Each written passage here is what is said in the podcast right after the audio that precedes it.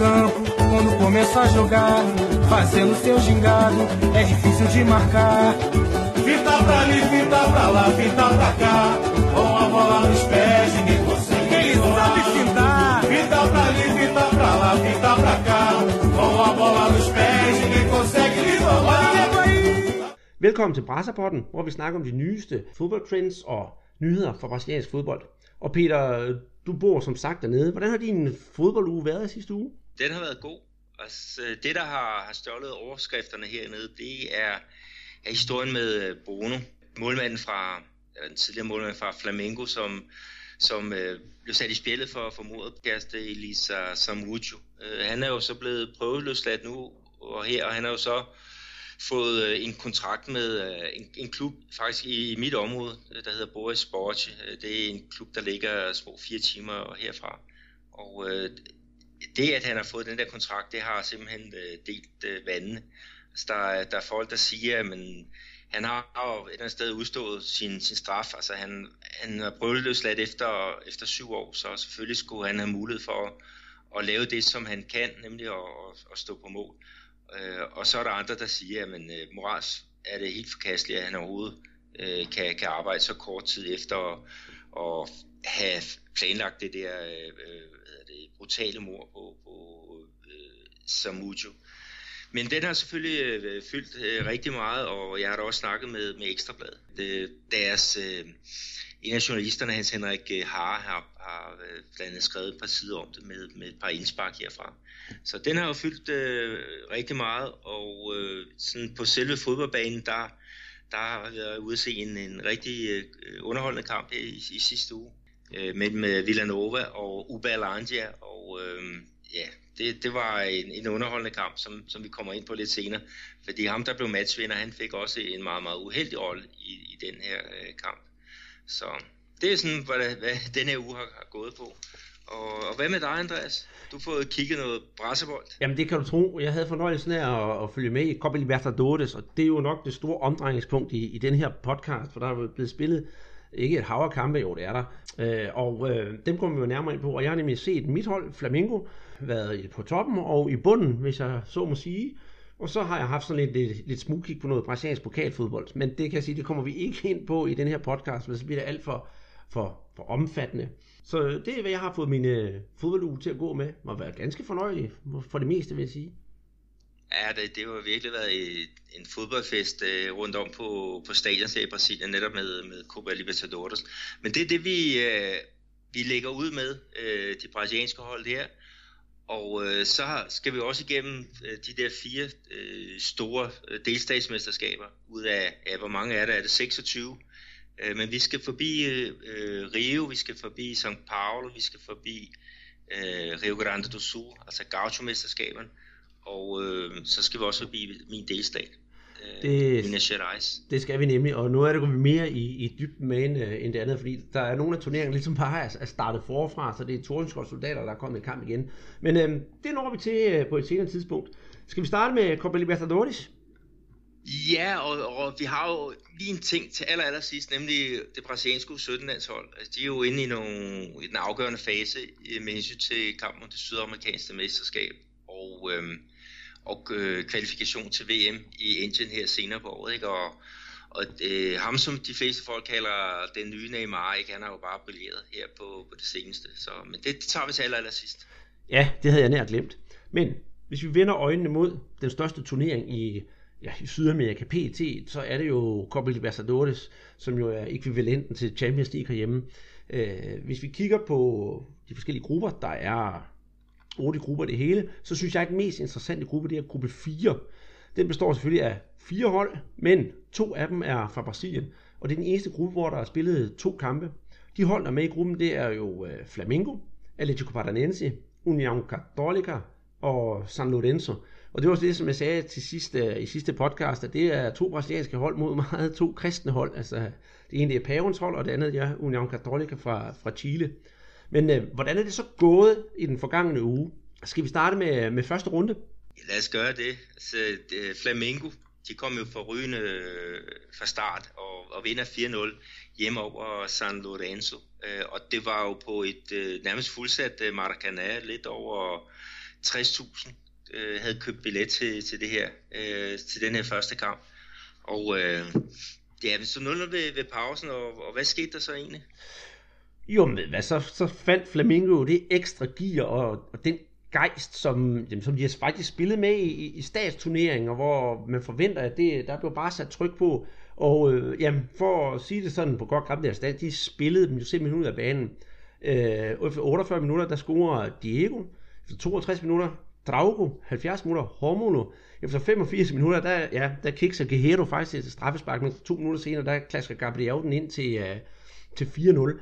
Så øh, jublen vil jo ingen ende tage, og det er lang tid siden, at jeg har set et så smukt Maracana. Og i den sammenhæng, der må jeg lige sige, at der er et dansk formiddagsblad, der tidligere på ugen har sagt, at det lignede, at Maracana, det var forladt og græs, græstæppe, det lignede, jeg ved ikke hvad. Det er kun delvis rigtigt. Øh, det var jo så for tre uger siden, men nu er Maracana det gode gamle Maracana igen, og ja, det, øh, jeg vil sige, Flamingo de har lavet en øh, mosaico, som det hedder, det er jo en tifo, som var ja, Borussia Dortmunds værdig. De øh, simpelthen på hele den øverste langside eller øh, bredside, der stod der jo, øh, jeg kan ikke engang huske, hvad der stod, men der havde de lavet en kæmpe tekst, og det hele, det var bare rødt og sort, så der kunne ikke være en bedre ramme om den gang. Og så resultatet, de kunne ikke forvente mere, og Flamengo de spillede faktisk, ja de spillede virkelig, virkelig godt. Det er noget af det bedste fodbold, jeg har set dem spille i år indtil videre. Giver du mig ret? Ja, to øh, drømmemål, øh, der faldt øh, efter pausen. Altså, det som øh, Trauco han, han sparker ind, det er, det er godt nok øh, et, et, øh, flot mål. Og så har vi Gabriel, som, som kommer ind, øh, som er en, en, ja, en rommedal med teknik, kan man godt kalde ham. Altså, han er jo lynende hurtig og kan ja. tage de der lange løb, ikke? Og, og han, han øh, får afdriblet et par mand, ikke? og så sætter han det med højre ben over i det, det fjerne hjørne. Ikke? Altså, det var virkelig et, en, en god måde at afslutte den der øh, kamp på. Øh, ja, men det er sydamerikansk fodbold, når det er, er bedst. Mm. Øhm, det, det er stadion, der er fuldsat, god stemning, øh, fester og farver, ikke? og så, så en masse gode mål. Ja, og der var jo kæmpe ros til, til Flamingo i, i Rios aviser dagen efter. Alt tyder jo på i sol og måne, at det skulle blive en, skal blive en god Copa Libertadores, og sådan, sådan lidt AGF-agtigt, så er man allerede ved at sige, at den er, den er jo hjemme. Øh, og, og drømmen om 81, hvor øh, Flamengo sidst vandt Copa Libertadores, den, den lever endnu. Øhm, men jeg skal da love for, at øh, de kom ned på jorden igen her i, i, i går, da de spillede. Der havde de nemlig den fornøjelse af at skulle en tur til, til Chile og møde øh, Univers, Universidad Católica. Og jeg ved ikke, om, om Flamengo de har spist for mange selvtillidsspillere, for det virkede som om, de har slået autopiloten til og tænkt på det, hvad, den her, den kører vi skulle hjem, og så har vi sikret os tre point. Men Hormod stod for fald, og Flamengo de måtte jo så rejse fra Chile med, med et et yderst bittert øh, 1-0 nederlag. Kampen, den, øh, den, den kunne næsten kun gå en vej, fordi Flamengo havde et hav af chancer. Vi har jo øh, Diego på overlæggeren efter et frispark, og, og alt tyder jo også på i sol og måne, at den, den skulle de nok køre hjem, men til sidst en almindelig standardsituation med et frispark uden for mål, øh, uden for feltet, der bliver den klasket ind i feltet, og Flamingos forsvar, det står altså ikke for godt. Det har jeg også sagt før, at de har sådan lidt problemer med at, at, at placere forsvarsspillerne på de der standardsituationer, der blev der scoret et mål af den tidligere Corinthians-spiller Santiago Silva, og han har jo et meget, meget festligt uh, kælenavn. Kan du huske det? Ja, det er El Tanki. ja. Tankfor, eller Tanken. Ja, det var en, en, øh, en, en bitter pille at, at sluge, det var det ikke, og de starter jo rigtig fint, Flamengo, øh, og med måske en lidt forsigtig formation. De kører med tre defensive midtbanespillere, øh, bagved øh, Diego, ikke, som, som er virkelig formstærk øh, for tiden. Men i anden halvleg, så ligesom siger, okay, der ligger tre point og venter. Og så skifter de så øh, Berrio ind, øh, en offensiv spiller, og tager en af de defensive øh, midtbanespillere ud. Det var så Romulo. Og øh, jeg ved ikke, om det er det, der, der kommer til at, at afgøre det. Øh, men øh, det var ligesom om de, de begyndte at falde lidt sammen, efter, efter de satte sig mere offensivt. I hvert fald så kom Universidad Católica til, øh, til flere chancer, ikke? Og, og øh, Romulo, han er god ved de defensive standardsituationer, ikke? Og, og det var nok Santiago Silva op øh, i den der situation. Men han sad jo ude på bænken, øh, så ja, det er hård mod forfald, det, det, det kunne være et, en meget god overskrift på, på den kamp. Mm. Og, og jeg kan sige, at sågar i dag, at øh, Zico, han har faktisk været ude at kritisere, øh, Sehikardos taktik, og det er lidt sjovt, fordi Zico, han øh, har været meget flink og rar over for, for Sehikardo og forsvaret ham. Men lige den her gang, der har han sagt, at, at han synes bare ikke, at han, han var skarp nok i den taktik, han havde lavet op til kampen. Og det vil jeg da til dels, øh, til dels give ham ret i, fordi ja, øh, tage til Chile og tabe, tabe sådan en smal 1-0, det, øh, det, det er sgu ikke godt nok. Der er sgu langt hjem. Ja, men jeg, jeg synes, at de starter jo fint, og de har jo alle de der chancer, og så er det jo rigtigt, som du siger, at, at de mangler den der skarphed. Det var især øh, Paulo Guerrero, der, der havde misbrugt en øh, del chancer, ikke? og så Trevor ikke stå i vejen nogle gange. Så jeg synes i og for sig, at oplægget fra C. Ricardo var, var fint nok. Jeg synes ikke, det er der, han skal have kritik, men det er, er for, for udskiftningerne, øh, som han, han foretager. Jeg tror, det er der, at, at, at Læsse ligesom vælter. For lige at runde kampen her af, så vil jeg så sige, at det er første gang, at det, siden, er det ikke oktober, Flamengo har tabt en officiel kamp. Så øh, ja, altså, de har jo en god statistik, men lige at falde mod uh, Universidad Católica, det er jo ikke godt. Og apropos Universidad Católica, så var det jo uh, dem, Atletico Paranaense mødte i første runde. Uh, hvordan gik den kamp? Jamen, øh, vi snakkede om den i, i sidste uge, og øh, den endte 3-3 efter, at Atletico de faktisk førte med, med 3-1, øh, da der manglede 5 minutter. Men øh, så fik øh, Universidad altså øh, virkelig, virkelig hævet sig op og fik øh, lavet et lille øh, mirakel. Øh, den næste kamp her, det var så øh, på papiret en sværere kamp. Det var ude mod øh, San Lorenzo, ikke, som virkelig havde behov for at, at komme på tavlen. Øh, men hvis vi snakker om det her, det var sådan en lille, lille prøve, så må jeg sige, at øh, Atletico de bestod. De, de vinder 1-0, og øh, det er faktisk et mål, der falder allerede efter 3 minutter. Og øh, det er bare ingen ringere end Lucio, øh, som igen scorede. Altså, han har jo virkelig været en, en god øh, mand øh, for Atletico Paranaense her under de, de her... Øh, Øh, Copa Libertadores. Altså man sige, Atletico Paranaense, de har jo spillet øh, to runder nu her i, i gruppespil, ikke? men de var jo igennem fire kvalkampe øh, inden da, ikke, for at komme så langt. Ikke? Og der, der var Lucio, han var jo den, der, ja, der faktisk øh, var, var matchafgørende i, i, i et par kampe. Ja, og jeg vil da også sige, at øh, Atletico Paranaense, de havde jo lidt heldet med sig, for ja, de kommer foran efter fire minutter, men efter 76 minutter, der får San Lorenzo et straffespark, og øhm, Blandi, han, øh, han kikser. Så jeg ved ikke, om pavens velsignelse ikke har fungeret over for San Lorenzo i den her omgang. Ja, det var en, en kedelig en. Han sparkede simpelthen øh, forbi mål, og bare minutter efter, der har øh, Blandi, han har simpelthen en åben hovedstødschance øh, inden, ja, tæt ind under mål, ikke, som han også øh, misbruger. Øh, så jo, det var, de var heldigt, øh, Atletico Paranaense. Og det, det er sådan der, øh, altså jeg har tidligere kritiseret øh, deres træner omkring nogle af hans taktiske øh, dispositioner. Og øh, Audorio, han, han skal også have lidt kritik for, for den her, selvom det bliver en sejr. Fordi når de fører 1-0, altså jeg synes, at øh, San Lorenzo, de kommer til rigtig mange indlæg, hvor faktisk at øh, argentinerne, de er overtalt inde i, i feltet, og der er, øh, kommer rigtig mange farlige situationer ud af, af det, og jeg, jeg forstår simpelthen ikke, at han bare at, at folk de følger hele vejen med ind i eget felt, ikke, for at få, få clearet de her mange indlæg, der, der nu kommer. Men øh, den her gang var de øh, heldige, og øh, fire point efter to øh, kampe, det er, det er et okay resultat. Hvis vi kigger på stillingen, så ligger øjeblikket, øh, hvad hedder det, Universidad Católica og øh, Atletico Paranaense, de ligger jo på en del førsteplads øh, med fire point hver, ikke? og så har vi Flamingo med, med tre point, og så helt uden point, der har vi jo San Lorenzo. Mm-hmm. Og for at knytte en uh, kommentar til, til San Lorenzo, så må de jo i næste kamp se bort fra den tidligere FCK'er, øh, Musis. Han fik jo både et uh, gult kort mod Atletico Paranaense og et mod Flamengo. Han er en rigtig uh, vigtig spiller for, mm. for San Lorenzo. Altså, det, det er ikke ham, der laver uh, hvad skal jeg, særlig mange mål. Men han ligger der på den centrale midtbane og distribuerer boldene rigtig, rigtig fint og er god til at og, og erobre bolde også. Øh, I hvert fald i den der kamp i, i går mod, mod Flamingo og tabe 4-0. Altså, der må han jo også tage en del af, af skylden for, for det. Men, men han er en rigtig vigtig spiller for Pavens hold. Mm. Så må vi håbe, at velsignelserne de fungerer næste gang. Øhm, skal vi tage et kig på, et kig på gruppe 5, hvor vi finder et andet brasiliansk hold, som har haft to kampe indtil videre? Ja, det er jo de brasilianske mestre fra Palmeiras. Øh, de lavede ud i sidste uge med en, en kamp, øh, hvor de spiller 1-1 ude mod Atletico Tucumán fra, mm, fra Argentina. Øh, og det var faktisk en, et hårdt tilkæmpet point. de, de spiller 70 minutter i undertal efter, at de får udvist stopperen Victor Hugo, øh, som øh, ser ja, to gule kort inden for ret kort tid. Ikke? Og noget af det, som, som folk de snakker om hernede, det er det der, altså, der er mange brasilianske spillere, de vil jo gerne vise, at, at de har det der vinderinstinkt.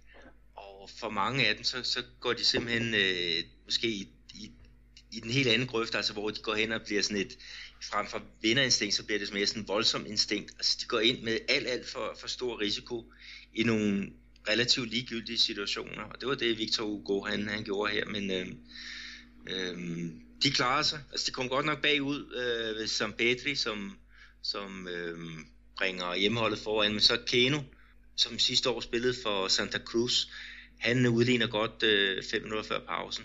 Og øh, jeg vil stadigvæk sige, at Palmeiras øh, med deres nye angriber Borja, altså han har tre store chancer, så, så alligevel 10 mod 11, der havde de alligevel et par gode muligheder for at, at afgøre kampen.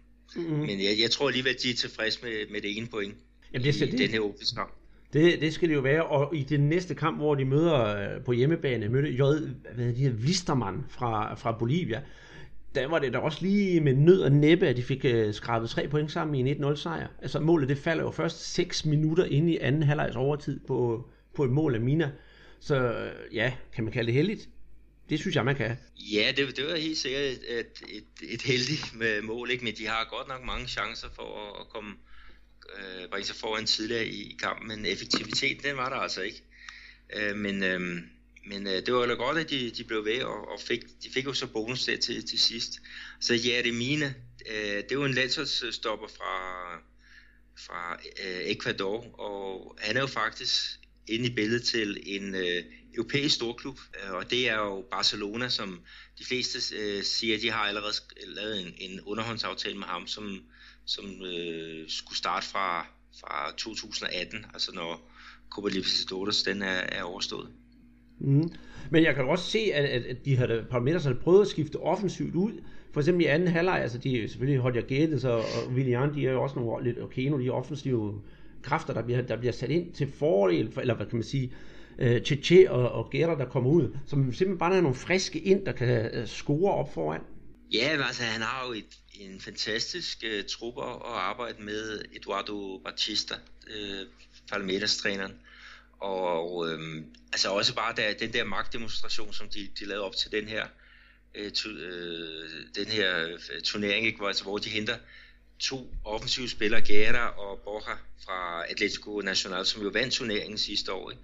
Og så derudover også øh, Philip, øh, Philip Melo, hvad hedder han? Ja, Felipe Melo, der er kommet tilbage, ja. Og han er jo, han er jo som vi har jo nævnt ham før, han er meget aggressiv, øh, og det er jo han fortsat med at være. Så han er bestemt et, et plus på kontoen hos, hos Palmeiras. Ja, de har en, en fantastisk øh, stærk øh, trup, og øh, de, de viste også muskler i, øh, i mesterskabet i, i, i São Paulo øh, i, i midtugen. Øh, så så de, de må, og selvom det, det er lidt shaky, de er kommet fra start ikke med, med kun et point ude i den første kamp, og så en, en, en, sen, øh, en sen sejr her mod, øh, mod øh, Georgi Wilstermann, ikke, så, så vil jeg stadig sige, at de, de må være favoritter til at vinde turneringen. Turneringen i år, den kører jo helt til øh, november måned, øh, så, så de får mulighed for at, at, at få trænet en masse. Altså jeg mener, næste runde for, for mange holdene, det er først i, i april. Så øh, Eduardo Batista, han skal, skal arbejde med sine mange øh, dygtige spillere her, og jeg tror, der kommer et godt output ud af det. Ja, det, det tror jeg bestemt også. Øh, stillingen i gruppe 5 er således, at Palmeiras ligger på førstepladsen med 4 point, øh, Wisterman ligger på andenpladsen med 3 point, Atletico Tucumán på, fjerde, på, undskyld, på tredjepladsen, og så Penarol, de er nummer chok med, med, med 0 point. Øh, en anden... Vi skal så lige have med, at, øh, at to af holdene, de har jo så kun spillet øh, en kamp. Altså, Øhm, øh, Penarol, de skal jo så spille mod Atletico Tucumán, og jeg tror faktisk, det er i aften, at de, de mødes. Så der, der er i hvert fald mangler to-tre point i, i den stilling. Mm-hmm. Øhm, den næste gruppe, som kan være øh, som er interessant at kigge på, jeg synes med, med brasilianske øjne, det er, det er, det er gruppe 1, hvor øh, selveste Barcelona spiller. Men øh, det er nu ikke dem, vi skal øh, kigge på. Det er jo det brasilianske hold, Botafogo. Øhm, de spillede mod øh, Estudiantes og fik en, øh, en meget, meget, meget, meget flot øh, 2-1 sejr. Så øh, Ufogão, som de kaldes, de kan jo være rigtig, rigtig glade.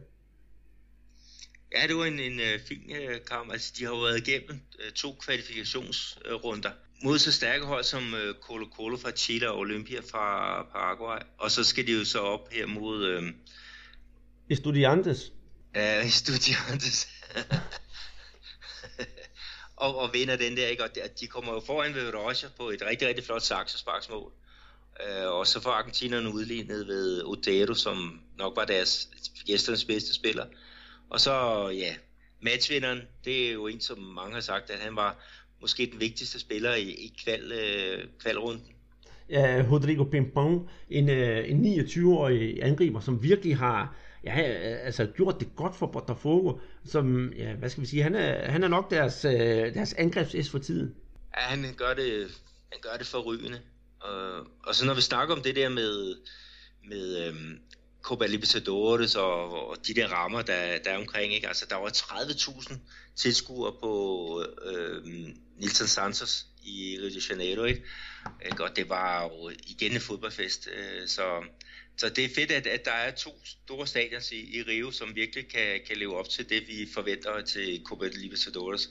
Fodboldfest og, og farver. Ikke? Og det er jo så Maracanã, som er blevet genoplevet. Ikke? Og så det her Nilton Santos, som, som også nogen kalder for ingeniør. Ja, og der, der vil jeg synes, synes godt, man kan knytte den kommentar til, at, at øh, fodbolden i Rio, det har vi snakket om i rigtig, rigtig mange af vores podcast, har været meget mager øh, de sidste par år, for det er jo, det er jo i din stat, øh, Atletico Mineiro, og for eksempel også i São Paulo og nede sydpå, at, at fodbolden har overtaget og det der fodbold i Rio, den, den sådan på grund af dårlig økonomi og så videre, den ikke rigtig har fungeret. Men jeg synes, med, med, med de her to hold i Copa Libertadores, og det der har været sket her inden for de sidste 14 dage, jeg har følt det sådan lidt, at, at, at den store fodbold er vendt tilbage til Rio. Ja, bevarer, altså vi har jo statsturneringer, hvor det også går fint for de fire store Rio-hold, men, men Copa Libertadores, når det er bedst, det har vi altså fundet i Rio i de her to, øh, to runder, der har været. Ja, jeg er, jeg er enig på, på det. Altså, der er jo to af de store rivehold, der er med, ikke? og det er jo så Flamingo og, og Botafogo. Hvorimod Fluminense og Vasco da Gama, de vil så kigge, kigge til. Øh, men øh, jo, øh, og, og de her stadions, der, der, der kører for fulde, fulde huse, ikke? nu er det ikke længere Volta Redonda med ja, under 5.000 tilskuere til et, et øh, men, men øh, det er de store stadions, der kommer i spil. Jo, jo det, ser, det ser lovende ud. Øhm, men hvad, Andreas, du, du nævnte noget om øh, øh, hvad hedder Barcelona. Øh, det må du hellere uddybe her, når, når du tager stillingen. Ja, men det, det kan jeg godt. Vi har Botafogo på, på, på, på førstepladsen med, med, med tre point. Og så kommer Barcelona SC, som jo selvfølgelig er opkaldt efter ja, FC Barcelona fra, fra Spanien.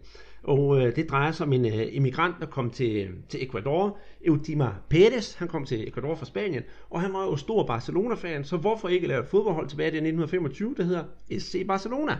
Øh, så vidt jeg husker, så er deres logo, det ligner FC's Barcelona fuldstændig, men jeg mener også, at FC Barcelona har en gul bold i deres øh, hvad hedder det, logo, og SC Barcelona har en hvid bold, så det var sådan lidt trivia om SC Barcelona. De to andre hold i gruppen, det er Estudiantes 0 point, og Atletico Nacional med 0 point. Og der er altså også kun spillet én kamp, og øh, den næste kamp er spillet først om en måned, hvor Atletico Nacional møder Botafogo. Hvis vi går videre til, til gruppe 8, er der som sagt også fire hold der, og de har alle sammen spillet én kamp hver. Men øh, det er jo dejligt, at vi ser et øh, brasiliansk hold ligge i toppen der, og det er nemlig Grêmio, som vandt ude over Zamora. Og det er jo ikke nogen dårlig skal at tage på, på udebane, og så 2-0. Øh, har du nogle øh, store kommentarer til kampen? Nej, jeg var meget øh, tvivlende på, hvor de egentlig lå, øh, Grêmio. Øhm, fordi de, i forhold til det, det hold, der vandt øh, pokalturneringen sidste år, der var de uden ja, fem eller seks spillere. Det var sådan halvdelen af holdet, der var, var væk. Altså blandt andet Wallace, som er solgt til, øh, til HSV i, i Tyskland. Øh, og det gjorde at der, der kom lidt plads til, til nogle andre typer, og, og øh, den første målscore i kampen, øh, Leo Moore, og nu du siger Leo Motor, så vil jeg da gerne knytte en kommentar til det. Jeg vil også lige sige, at kampen det er, det er ikke nyeste nyheder, for det var en, der blev spillet i sidste uge. Men altså, Leo Motor for mig, Han er jo Mr. Flamingo. Han har jo spillet over 500 kampe for, for Flamingo, og er nået en alder af 38 år. Efter sin tur i, øh, i Flamingo, der røg han jo så en, en tur til Nordøst-Brasilien, og, og spillede det op, og så tænkte jeg, der er ikke mere karriere tilbage i, i den mand. Men øh, det skal jeg så love dig for, der er. Han er kommet en tur til Gremio, og der har han så åbenbart scoret det første mål i kampen. Øh, er det ikke lidt imponerende? Jo, jeg må bare lidt have den øh, for, for den her, lidt på hatten for, for Leo Motor. Altså jeg havde også nærmest afskrevet ham. Jeg spillede i Santa Cruz, som jo røg ud af, af Serie A her sidste år med, øh, ja, med, med, med fuld smæk. Øh, og han sådan kommer ind og, og starter i et, i et opgør her i Copa Libertadores, det synes jeg er, er flot, ikke? Og ja, 38 år. Øh, det, er, det er rigtig godt gået. Det er helt bestemt. Øh, den anden, der scorede, det var så Luan efter straffespark for 52 minutter. Øh, og så var den kamp jo så nærmest, skal man sige, begravet. Øh, fuld fortjent til, øh, til Gremio. Og, og tror du allerede nu, vi skal måske snakke om, at det er, det er dem, der hiver førstepladsen hjem i gruppen, selvom de kun har spillet en kamp? Nej, det er alt, alt, alt for tidligt at, at begynde at snakke om det. De her øh, genover den, den øh, brasilianske øh, Serie A, ikke, hvor meget holdene de kan svinge øh, undervejs. Og det kan vi jo også opleve her under Copa Libertadores. Øhm, så nej, nej, det er, det er en kamp. Det, øh, det, det viser slet ikke noget. Altså hvis de spiller, det er anden runde, det er i april måned, og der kan det jo være totalt ude af form. Det er rigtigt. Vi ser jo det også selv med, med, med Flamingo netop, hvordan man, hvordan man kører på bølgen i første kamp, og så lige kampen efter, der får man øh, en, en dukker af, af de værste. Hvis vi kigger på stillingen i gruppen, så øh, finder vi jo så Gremio på, på førstepladsen med 3 point, Guarani på andenpladsen, også med 3 point, men med ringere målscorer, og så på tredjepladsen Deportes Icayique, tror jeg det hedder, med 0 point, og så øh, Zamora også med 0 point. Men øh, du har lidt øh, interessant om øh, Guarani. Ja, fordi de nåede semifinalen i Copa Libertadores her for to år tilbage. Og det var med øh, Federico Santander, øh, som deres øh, spidsangriber. Og ham har vi jo så haft glæde af i dansk fodbold, fordi han øh, spiller jo nu for, for FC København og gør det rigtig, rigtig fint. Nogen, der gør det knap så fint, det kan vi roligt sige, det er, det er Santos. Øh, både i statsturneringerne og her i Copa Libertadores, der kører de rundt med bind for øjnene i en, i en lidt af en, en slingerkurs. Her tilbage den 10. der spillede deres første kamp mod øh, Sporting Cristal, og de får kun hentet en, en uafgjort på, på, på 1-1. Øh, hvad går der galt for, for Santos for tiden? Det plejer at være det der hold, vi snakkede jo sidste år om, det var talentfabrikken og alt det der. Men, men lige nu, det er ligesom om, de ikke kan finde øh, de frø, der bliver lagt ud på vejen. Ja, de har, de skuffet i nogle kampe i, i øh, delstatsmesterskaberne i, i St. Paulo, og det er ligesom om, de har, de har tabt tråden. Øh, de har godt nok hentet mange øh, dygtige spillere ind øh, til at forstærke en i forvejen rigtig god trup. Men øh, jeg ved ikke, om de har tabt øh, konceptet, eller, eller hvad de har, eller, øh, men, men det, det hakker i hvert fald i den grad. Og øh, i, i den her kamp mod de her øh, peruvianske øh, Sporting Cristal, øh, der vågner de også først op i, i anden halvleg, øh, hvor de så er bagud. Øh, og så får de jo udlignet ved øh, Thiago Maia, som får en gudaflevering fra, fra Lucas Lima, den tidligere brasilianske øh, landsholdsspiller. Øhm, så de får hentet altså et point derude, øhm, og øh, det skal de nok være rimelig tilfredse med. Men måske er det jo lidt med at overvurdere egne evner. Øhm, altså med, med den skrup, med det potentiale, som de har, så, så burde de ikke have problemer, øhm, hverken i delstatsmesterskaberne i St. Paulo eller i, i gruppespil i Copa Libertadores, men, øh, men øh, stadigvæk, øh, som vi snakker om tidligere, det er en runde, der, der er spillet, og og får de tre point her i den næste runde i Libertadores, så, så er der lige pludselig ikke ingen problemer. Men det er jo sådan meget sjovt at, at se det, altså i, de sidste par kampe, altså en af deres bedste spillere, det har været målmanden Vladimir, ikke? og han er jo faktisk øh, bare en, en reserve for ja. Vandalay.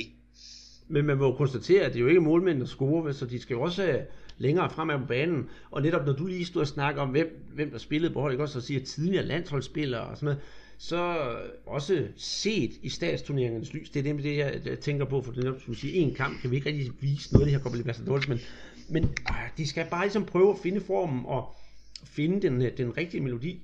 Øh, nu skal de så spille, øh, er det i nat, de skal spille mod, øh, mod The Strongest. Så får vi se, om, om, om de kommer bedre fra start. Ja, det er jo en, en øh, fantastisk uh, vigtig kamp, altså også for at, at få noget ro på. Øhm, det, det skal der simpelthen til. Øh, der har været stor kritik af, af deres træner, da det var junior. Altså han var genialt for, for halvanden måned siden, altså nu er han nærmest uh, ubrugelig. Men ja, jeg tror og jeg håber også, at klubben holder fast i ham, fordi at, at uh, han er en, som, som godt kan styre øh, Santos mod noget stort i Libertadores, og også i, i øh, Serie A, øh, når den tid kommer. Mm. Men altså, jeg håber så også, at Santos de vinder i aften. Øh, the Strongest, de kommer fra, fra Bolivia, og man må jo sige, at jeg ved godt, boliviansk klubfodbold er faktisk bedre, end man lige regner med til sådan umiddelbart. Men, men, men ej, Santos, de burde hente tre point i den her kamp. Det, det synes jeg, de skal. Og de er jo på hjemmebane. Ja, det er på hjemmebane. The Strongest, de har været rigtig gode til at, at hente point på deres hjemmebane, ikke? som ligger oppe i, jeg tror, det er 3 km højde. Men det er jo også på grund af, af, af modstandere har problemer simpelthen med at, at trække vejret øh, i, i de ekstreme højder. Ja, men øhm, inden vi går videre til, til gruppe 6, skal vi så lige tage stillingen. Ja. Vi har faktisk netop lige som The Strongest, som vi snakker om, de ligger på førstepladsen med 3 point, Santos på andenpladsen med 1 point, Sporting Cristal ligger på tredjepladsen med 1 point, og så er det Santa Fe, der lukker og slukker med, med 0 point efter en enkelt kamp. Øhm, når vi så kigger på, på gruppe 6, så er det jo, ja, jeg siger jo altid, det er dit hold, selvom det ikke er dem, du holder med i Brasilien. Der finder vi jo Atletico Mineiro. Der er spillet en runde i, uh, i gruppe 6, og uh, der er det status quo over det hele. Uh, så et point til hvert hold. Jeg har kun set highlights, meget kort highlights fra kampen, og, og jeg må sige, at øh, farlig Fred, han, øh, han nettede jo igen. Men øh, du har set hele kampen, Peter. Øh, hvad har du at sige til Atletico Mineiros spil? Jamen, der mangler meget endnu, før at, at det er, er noget, som kan blive farligt i, i Copa Libertadores.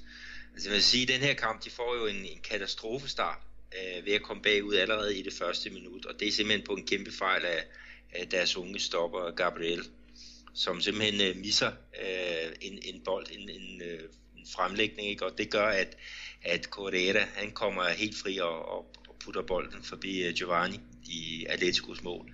Og så som du siger, så kommer de sådan ja, for udlignet ved, ved Fred på, på et straffespark. Et, et rigtig øh, dumt straffespark, synes jeg. Øhm, og det er Elias, som, som bliver cross inde i, i feltet på, efter et indkast fra Marcos Rocha.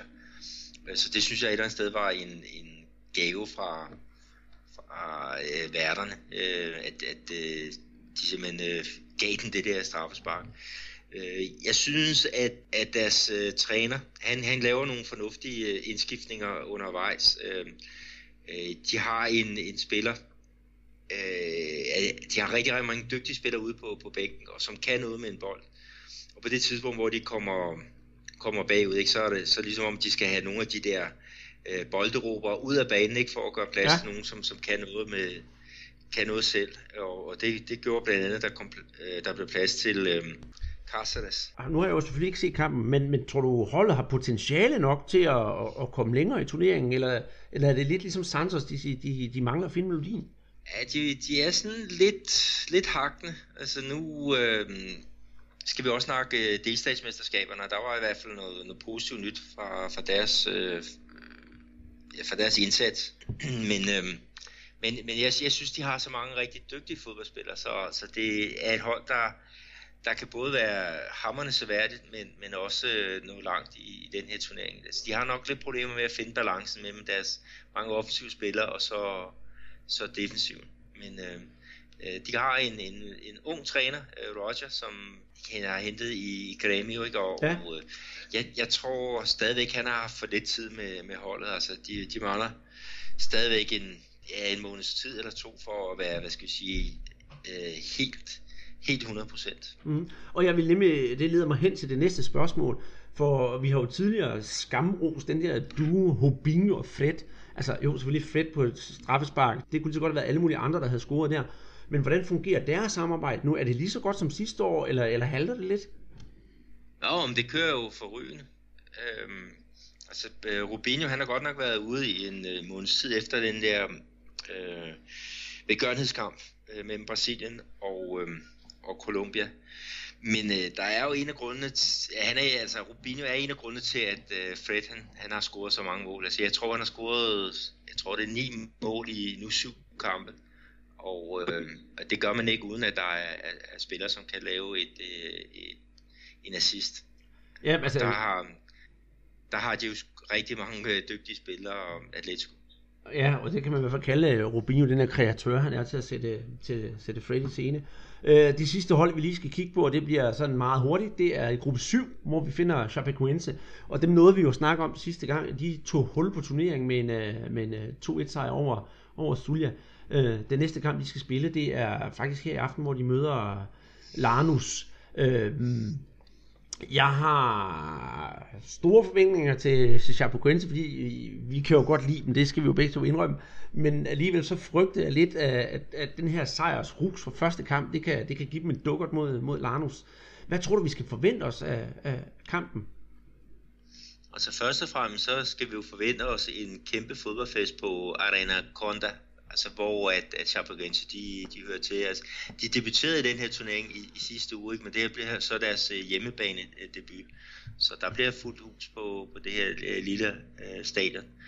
Og øh, Chapecoense, altså de har ikke umiddelbart kvaliteterne til at, at gå videre til, til næste fase. Altså, som eksperterne siger hernede, Chapecoense, de skal bare være glade, hvis de overlever i den brasilianske serie A, når vi snakker december måned. Øh, Øh, og øh, ja, altså, de vil jo sikkert gå ind til den her kamp øh, med alt at vinde, altså den, øh, den holdning, og det vil sikkert også være et meget, meget emotionelt øh, øh, moment for, for fansene, altså deres, deres hold, som jo mere eller mindre blev, ja, blev lagt i graven her for, det var det i december måned på, på det her øh, stadion, ikke? og nu er der så øh, fodbold i Europa, eller Sydamerikas fornemmeste klubturnering. Altså det, det, må da, det må da kunne give vinger i, i en eller anden omfang, men, men øh, det bliver svært. Altså Lanús, det er i det, i det de store hold i Argentina, og jeg vil sige, de er favoritter til at, at vinde. Mm. Jeg tror, ja, selvfølgelig, men jeg tror, det kan give dem vinger at spille hjemme på Arena og, og Lanús, de har tabt deres sidste tre kampe, øh, så det kan jo være, at de lige er nede i en bølgedal, og det er det, Chapecoense kan benytte sig af, og så hvis de så ikke får sejren, vil måske bare være glade for det enkelte point.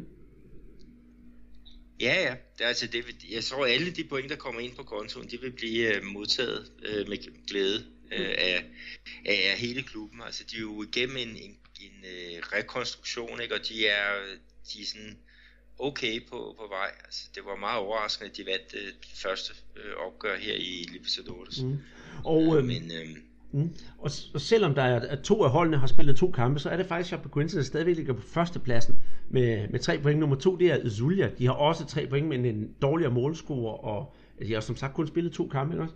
Øh, og Klub Nacional, der også spillet to kampe, ligger på tredjepladsen, og så Lanús med en enkelt kamp på, med, med 0 point.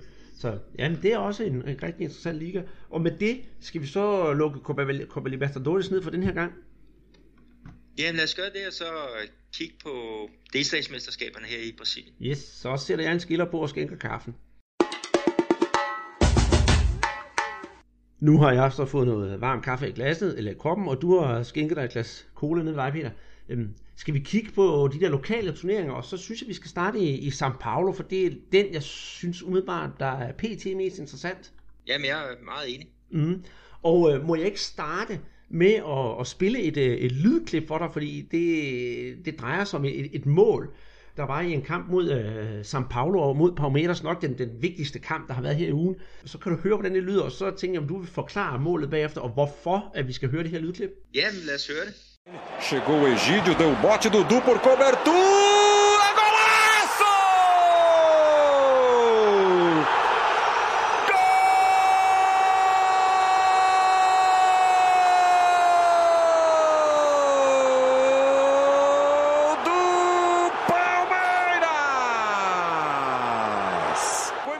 Det var jo det der klassiske go, og det elsker vi jo, ikke? Det er det, der gør brasiliansk fodbold så smukt, og det var jo et super, super, super mål af Dudu. Hvad, men hvad var det, vi hørte? Jamen, øh, vi hørte kommentering af, af målet. Altså, det er jo igen et, et, et sindssygt mål. Altså, vi har set nogle stykker af dem her på, på det seneste. Og hver gang der er nogle mål, der bliver banket ind fra den afstand, så, øhm, så snakker folk om, at det skal indstilles til den såkaldte Puskas-pris for, for det smukkeste mål. Men det er jo simpelthen det mål, som Palmeiras de øh, får, øh, får lavet ved at, at for, skal vi sige, banket hul på, på São Paulo, og øh, altså det der sker, det er jo simpelthen, at, at du han fanger øh, São Paulo-målmand Dennis øh, det på, på halvdistance. Øh, de råber bolden øh, sådan halvt op på, på São Paulos øh, banehalvdel, og den ender så i fødderne på Dudu, der vender sig om, og så banker han den simpelthen i kassen fra øh, 50 meter. Øh, det var jo et, et rigtig, rigtig flot mål. Og det er jo faktisk det, det tredje mål af den type, som jeg ser her fra, det, ja, fra Sydamerika, ikke? og det er bare i år. Øhm, øh, vi har jo øh, det mål, som øh, Gustavo Scarpa han lavede for, for Fluminense, ikke? hvor han banker den i kassen fra, fra egen øh, banehalvdel i en øh, pokalkamp, og så har der også været noget i forbindelse med U20 øh, mesterskaberne, de sydamerikanske 20 mesterskaber, hvor der også er en, der tager øh, de, øh, chancen fra, fra, fra virkelig øh, egen banehalvdel. Så, så det, det er spændende. Jeg ved ikke, hvad, om der er en speciel årsag til, at, at de mål de, de falder netop nu. Det ved jeg ikke, men det er jo, det er jo, det er jo rigtig charmerende, det, det synes jeg. Og lige i den her kamp, det synes jeg, det gør det endnu mere specielt, fordi det er jo, det er jo et klassisk, klassisk opgør. Palmeiras, São Paulo, to af de største hold i, i, i São Paulo. Hvis det nu havde været Palmeiras mod et andet fuldstændig ukendt hold, så, så havde det måske været, været, været knap så sexet. Men lige i det her tilfælde, det er det jo, det er det jo fantastisk.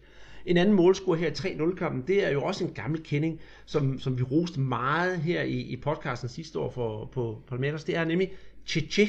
Øh, hvis, hvis han kan finde netmaskerne igen, så, så ja, du har jo selv sagt det her under Copa Libertadores, så bliver Palmeiras et rigtig, rigtig, rigtig giftigt hold at skulle lege med, i, når, når sæsonen går i gang for alvor. Øhm, så det glæder jeg mig rigtig til. Ja, så det sidste mål sat ind af Gerha, øh, en af de to kolumbianer, som, som øh, øh, Palmeiras har hentet i Atletico Nacional, ikke, som vandt øh, Libertadores sidste år. Øh, men i forhold til, øh, til den her duel mellem Palmeiras og São Paulo, altså netop det første mål af Dudu, der er blevet sendt rigtig mange drillerier mod øh, øh São Paulos træner, Luciano Seni. Fordi han, øh, da han stod på mål for, for São Paulo, der er han faktisk blevet af, af Palmeiras på, på samme manér, altså hvor øh, han et andet sted har kikset i, i en, en fremlægning, øh, og så den røget i skoen på en, en Palmeiras-spiller, som simpelthen bare har, har banket den direkte i kassen. Øh, jeg mener faktisk, at Rubinho, øh, den blå Rubinho, som i øjeblikket spiller i, i, øh, i Cruzeiro, han har overlistet øh, Jose Aluseni to gange på, på sådan nogle helt sindssyge scoringer, ikke? hvor han bare har taget chancen fra, fra ja, 30-40 meter. Øh, så, så dem, dem har, de gamle mål, dem har Rosiano Sende fået banket op i, i hovedet igen. Øh, og det er han nok ikke særlig tilfreds med. Nej, og det er jo også der, at uh, lige nu på målmandsposten São Paulo har et problem lige nu, og det gør det jo lidt paradoxalt, de har haft en af, af ja, altså Brasiliens bedste målmænd igennem mange år. Der har de fået som træner nu, og så er det på målmandsposten, de har, har problemerne. Jeg kan lige tilføje det, at, at det er faktisk deres reservemålmand Dennis, som, øh, som passer målet lige i øjeblikket. Øh, de har købt Zidane i Botafogo, øh, og han gjorde det rigtig, rigtig godt for Rive-klubben sidste år, og er også startet fint. Øh, han er så ude med en skade, øh, så, så det, det har banet vejen for, for Dennis, som faktisk var stammålmand øh, for São Paulo sidste år, men flere fansene, de, øh, de, vil, de vil hellere end gerne se ham væk fra, fra klubben, fordi de synes simpelthen, at han er for ustabil. Ja, Øh, det, det, det, vil, øh, det vil jeg sådan, ja, til dels give det ret i, men jeg synes faktisk, at han havde nogle rigtig gode kampe sidste år, men, men de har stadigvæk et problem med målmandsposten. Øh, de to hold, São Paulo og øh, Palmeiras, de øh, spiller henholdsvis gruppe B og gruppe C for i det her turneringssystem, der spiller man på, på tværs af grupperne. Og São Paulo, trods øh, tre nederlag, 3-0 nederlag til, til Palmeiras, så ligger de på førstepladsen i deres gruppe med 14 point, et enkelt point foran øh, Linense. Og så er der ellers et godt stykke vej ned til Red Bull Brasil og Ferroviaria. Palmeiras, de ligger som sagt også nummer 1 med 18 point, og så med hele 8 point ned til Novosinho.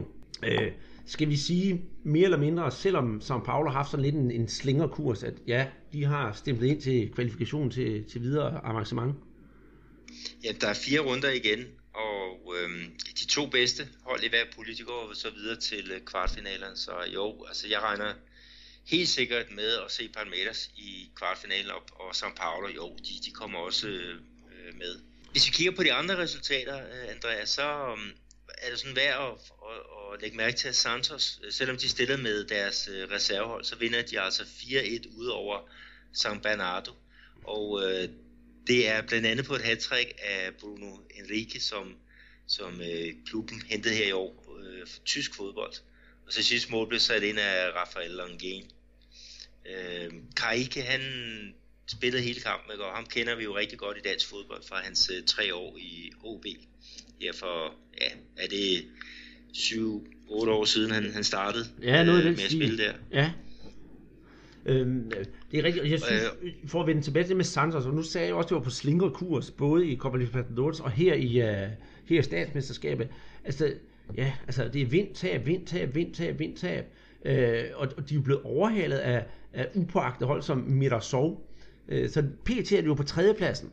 Og ja, på førstepladsen, der finder vi faktisk øh, uh, Ponchi Preta, som uh, fik point mod Corinthians. Ja, de spillede øh, 1-1 og det er faktisk en gammel Corinthians-spiller, Luca, som, som åbnede scoring. Øhm, Leo Santos fra, fra Corinthians øh, får så udlignet med, med kvarter igen, men det var et, øh, et fint point fra, fra Ponte Preta, og øh, øh, Corinthians de har jo haft et, et, et pointmæssigt rigtig godt øh, øh grundspil her i, i mesterskaberne i São Paulo. Øh, så øh, det var nok et, et point, som Ponte Preta ikke lige havde regnet med. Nej, det tror, det tror jeg helt bestemt. Nu har vi jo tidligere snakket om, om Corinthians, og hvis man bare kigger på tabellen, så, så vil jeg da sige, at Corinthians det er jo klart det bedste hold, men vi har jo netop også snakket om, at, at ja, det er jo smalle 1-0 sejr, men det er jo pointene, der trods alt tæller. Øh, men, men hvis vi kigger på de der tre store hold, det vil jeg godt tillade mig at kalde dem, selvom Ponte Plata delvis skulle gå med, øh, altså Corinthians, São Paulo og, og, og Palmeiras, hvem tror du så, eller hvem synes du så lige PT har det mest, øh, kan man sige, det mest underholdende og gode fodbold? Ah, det vil jeg sige, at det er, det er Palmeiras, øh, uden tvivl. Altså, jeg synes, øh, jeg synes for det første, de har den stærkeste trup. De vinder 3-0 over São Paulo. Det er virkelig en øh, magtdemonstration. Øh, Corinthians, altså, de har godt nok vundet et par, par vigtige øh, øh derbys her på det seneste, ikke? Og hvor Jo øh, øh, blev matchvinder. Øh, men, men stadigvæk, det er kampe, der blev spillet på Corinthians hjemmebane.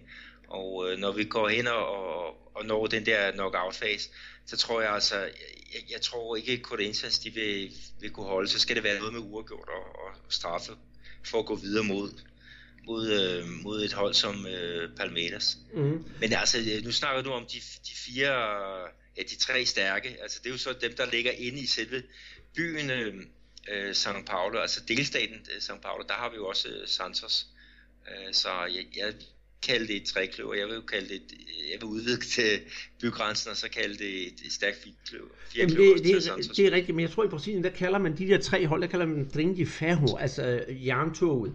Øh, og, og jeg vil så sige, at nu vi snakker med, med holdet selvfølgelig, Palmeiras er klart den største styrke, men på en eller anden måde, så synes jeg, at den måde, som Paolo lige spiller på, det har ramt mig, og, og, og synes, det, det er sådan lidt charmerende. Deres resultater, ja, dem kan vi sgu altid snakke om, og de har jo så, altså det kan godt være, at de scorer 21 mål, men jeg deler også lukket 17 ind, men på en eller anden måde, så synes jeg, at de har en, en, en trup, som, som kan mere, og, og nok skal finde fundament, men det ved jeg ikke, om du er helt enig med mig i det.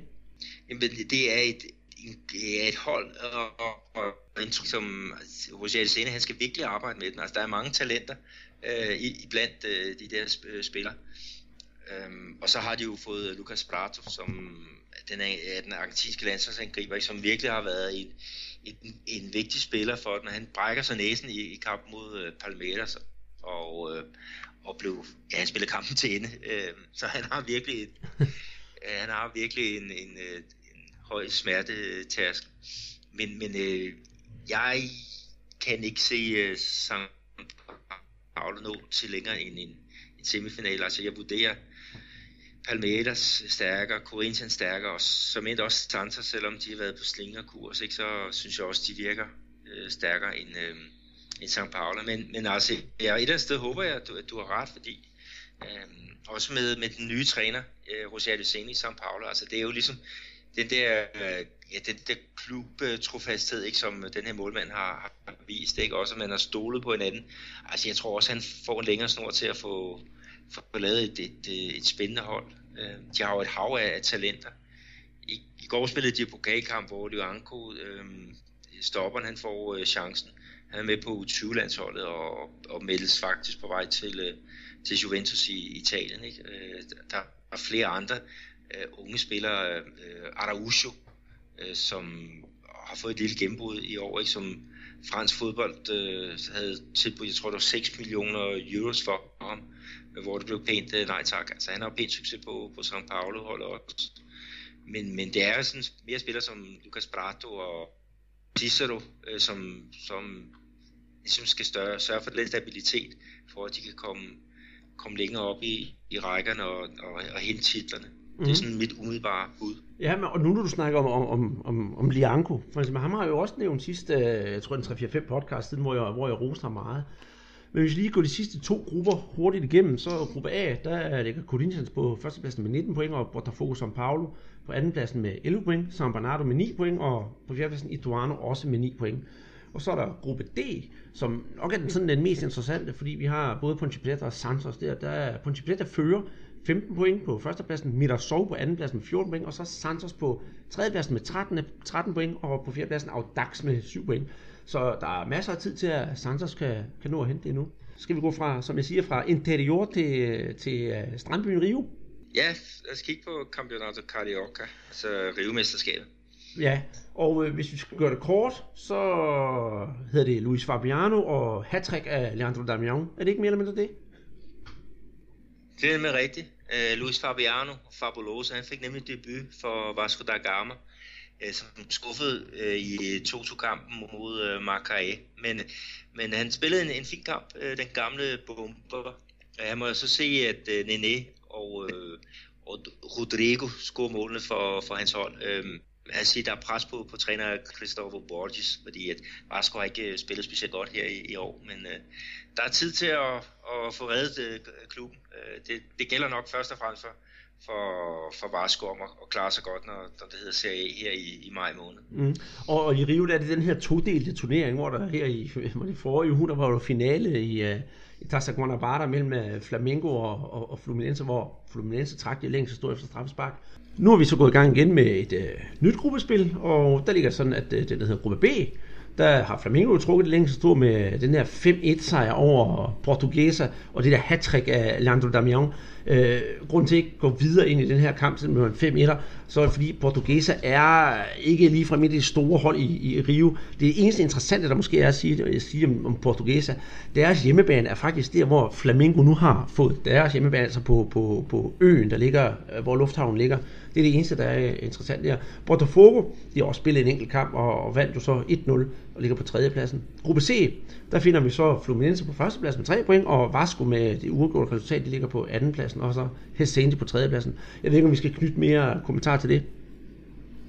Nej, øh, altså det spændende med Leandro Damiano, han, øh, han kommer i gang med, med et hat Altså han blev OL-topscorer i var det 2010 øh, for Brasilien ved, ved, øh, ved turneringen i, i London. Hvis vi rykker en øh, kende længere sydpå, så skal vi snakke om Gaucho-mesterskaberne.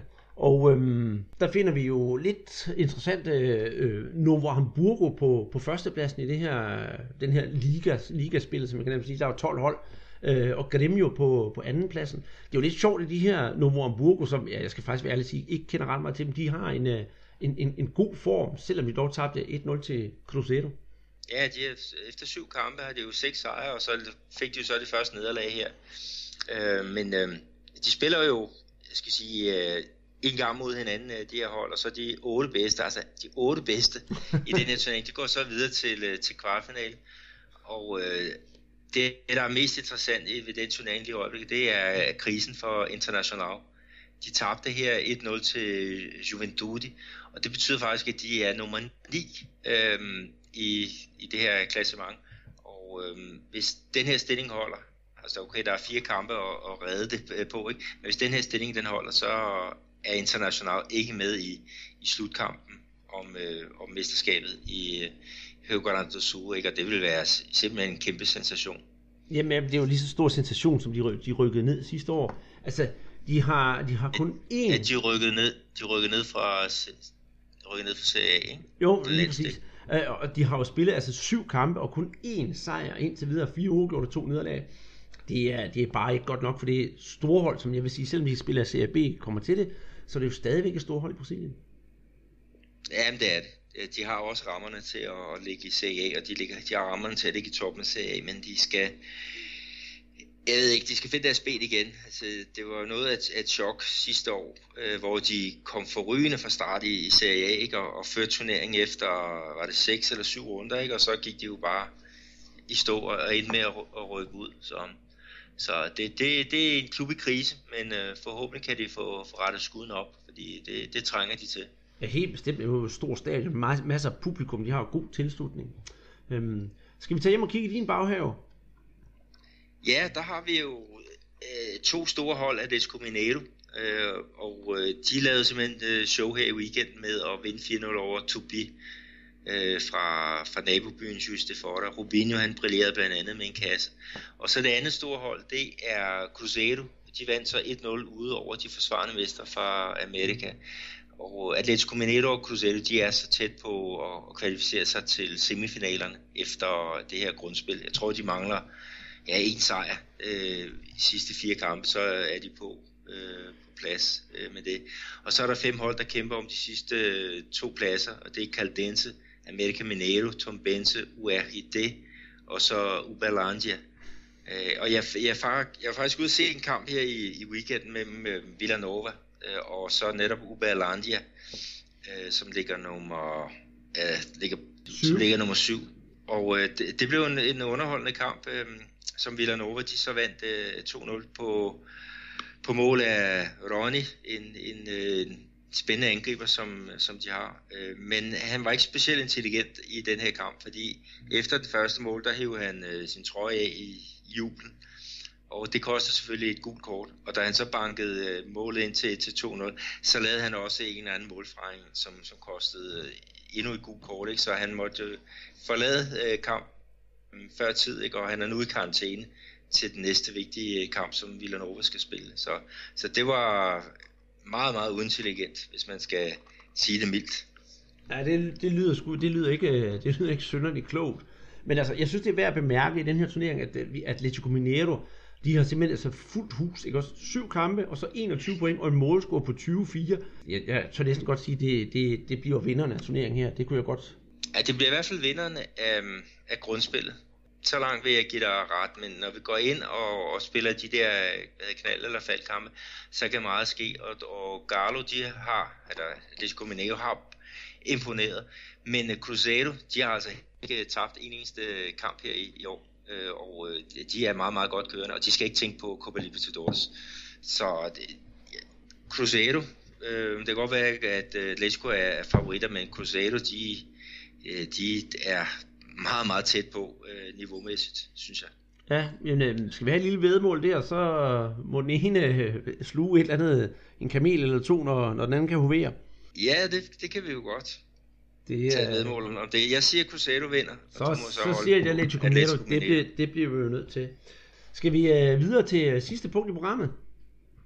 Ja, fordi at øh, det brasilianske U17-landshold, de spiller i øjeblikket om det sydamerikanske mesterskab. Og, og, og, og i den her turnering. Øh, de får plads ved VM, som spilles senere i, i år. Og øh, i aften skal de spille den næste sidste øh, runde. Det er sådan et øh, finalespil med, med seks hold, øh, der har øh, der, der har kvalificeret sig til den her slutrunde. Øh, de startede med 10 hold, og så nu er der så seks tilbage, og ikke mærke til, Uruguay er ikke med, Argentina er ikke med. Øh, så det er jo en kæmpe overraskelse. Men øh, brasserne, de vandt her den sidste kamp med, med hele øh, 3-0 over Ecuador, og øh, der var to øh, mål af Vinicius øh, Junior, øh, som øh, nu er turneringstopscorer med, med fem mål, og øh, han har jo fået et, et, et jeg skal sige, et, et meget godt kælenavn, øh, Vinicius Junior. Ja, det er jo den, den nye Neymar, og øh, sammen med, med hans marker fra Flamingo Lincoln, så stod de jo blandt andet altså for, for sejren her. Øh, og jeg synes, at, at der sker åbenbart noget i Flamingos, nu kalder det juniorafdeling. De har altid gjort det godt til de der Copinha, som, som vi snakker om, der bliver spillet tidligere på året, hvor, hvor U20 øh, spiller, og det er der, de nye stjerner bliver udklækket. Øh, jeg forventer rigtig, rigtig, rigtig meget af de to. Jeg kunne bare frygte, at øh, hvis, der, hvis de fortsætter stimen, så bliver de solgt. Ja, men jeg, jeg kan ikke lige huske, hvor meget frikøbsklausulen er for sådan en øh, spiller som øh, Vinicius Junior, men jeg mener, det er omkring øh, 30-40 millioner euros. Øh, så, så må ikke han få lov til lige at blive et, et år eller to mere i, i Flamengo. Det er ellers rigtig mange penge at lægge for et, et, et, et talent, men altså, han, ser, han ser spændende ud. Øh, noget af det, som de fleste kan huske fra den her turnering, øh, dem der har fulgt med, ikke, det er på et tidspunkt, han laver sådan, han, han lopper bolden over tre øh, modstandere i en kamp her i, i sidste uge. Og det, det er der flere, der siger, at, at sidst de så det, det var jo Ronaldinho Gaúcho, ja, og, da han spillede i Barcelona. Og lige præcis det der med at loppe bolden over, det er den der berømte Chapeu, og så gjorde, og han gjorde det jo tre gange sådan lige, altså løbende, og det er jo, altså det er jo den her rigtig frække øh, dribling, som brasilianerne elsker, men øh, den, der går ud over, føler sig også rigtig ydmyget. Ja, det er Chapeu, det jo betyder et hat. Altså man lægger sådan en hat på, på tre modstandere. Det er jo det, han har gjort, Vinicius øh, Junior. Så øh, han bliver meget, meget spændende at, at følge. Og øh, det brasilianske U17-landshold her, altså der, der mangler to runder, og de fører øh, turneringen her med, med syv point. Så har vi Chile med, med seks point, det er værtsnationen. Øh, og øh, de tabte her i den sidste runde. De tabte faktisk deres første øh, kamp her i finalespillet. Det er 2-0 til Paraguay. Men øh, Brasilien og Chile mødes i den aller sidste spillerunde, og det bliver nok om det sydamerikanske mesterskab. Tredjepladsen, der har vi Paraguay med 5 point. Colombia ligger 4 med 4 point. Og det er sådan, som det er lige i øjeblikket, så er det de fire, der går til VM i, i Indien senere i år. Ikke? Og så Ecuador og Venezuela, de ligger så på 5. og 6. pladsen med, med et point. Men altså, der er to runder igen, øh, 6 point og, og spille om, så der kan godt komme nogle, nogle små forskydninger, men, men må ikke vi får Brasilien at se ved, ved VM ja, senere i år. Og det bliver en, det bliver en fantastisk øh, oplevelse at, at se dem. De, de ser meget, meget spændende ud. Ja, det gør det, gør det. Og, og jeg glæder mig til at se Brasilien til, til VM i Indien. Så må man håbe på, at man kan finde en, en tv-kanal, hvor man kan se kampene på. Og med øh, det brasilianske U17-hold, der lukker vi ned for den her gang. Det blev en længere Copa Libertadores omgang, end vi lige havde regnet med, men øh, jeg håber, at I alle derude er blevet mere informeret om Copa Libertadores, for det er en, en, en ukendt turnering, men vi holder rigtig meget af den, og vi synes også, at man her hjemme i Danmark skal vide mere om, hvad der sker nede på den internationale sydamerikanske scene. Øh, mange tak for den her gang. Husk at følge os ind på Twitter, øh, snabel Brasserpot, og så gå ind og give os et like inde på iTunes. Vi ses igen næste uge, siger Andreas Knudsen og Pete Arnold. No campo, quando começa a jogar, fazendo seu gingado, é difícil de marcar. Fita pra ali, fita pra lá, fita pra cá, com a bola nos pés, ninguém consegue. Ele voar. sabe fitar. Fita pra ali, fita pra lá, fita pra cá, com a bola nos pés.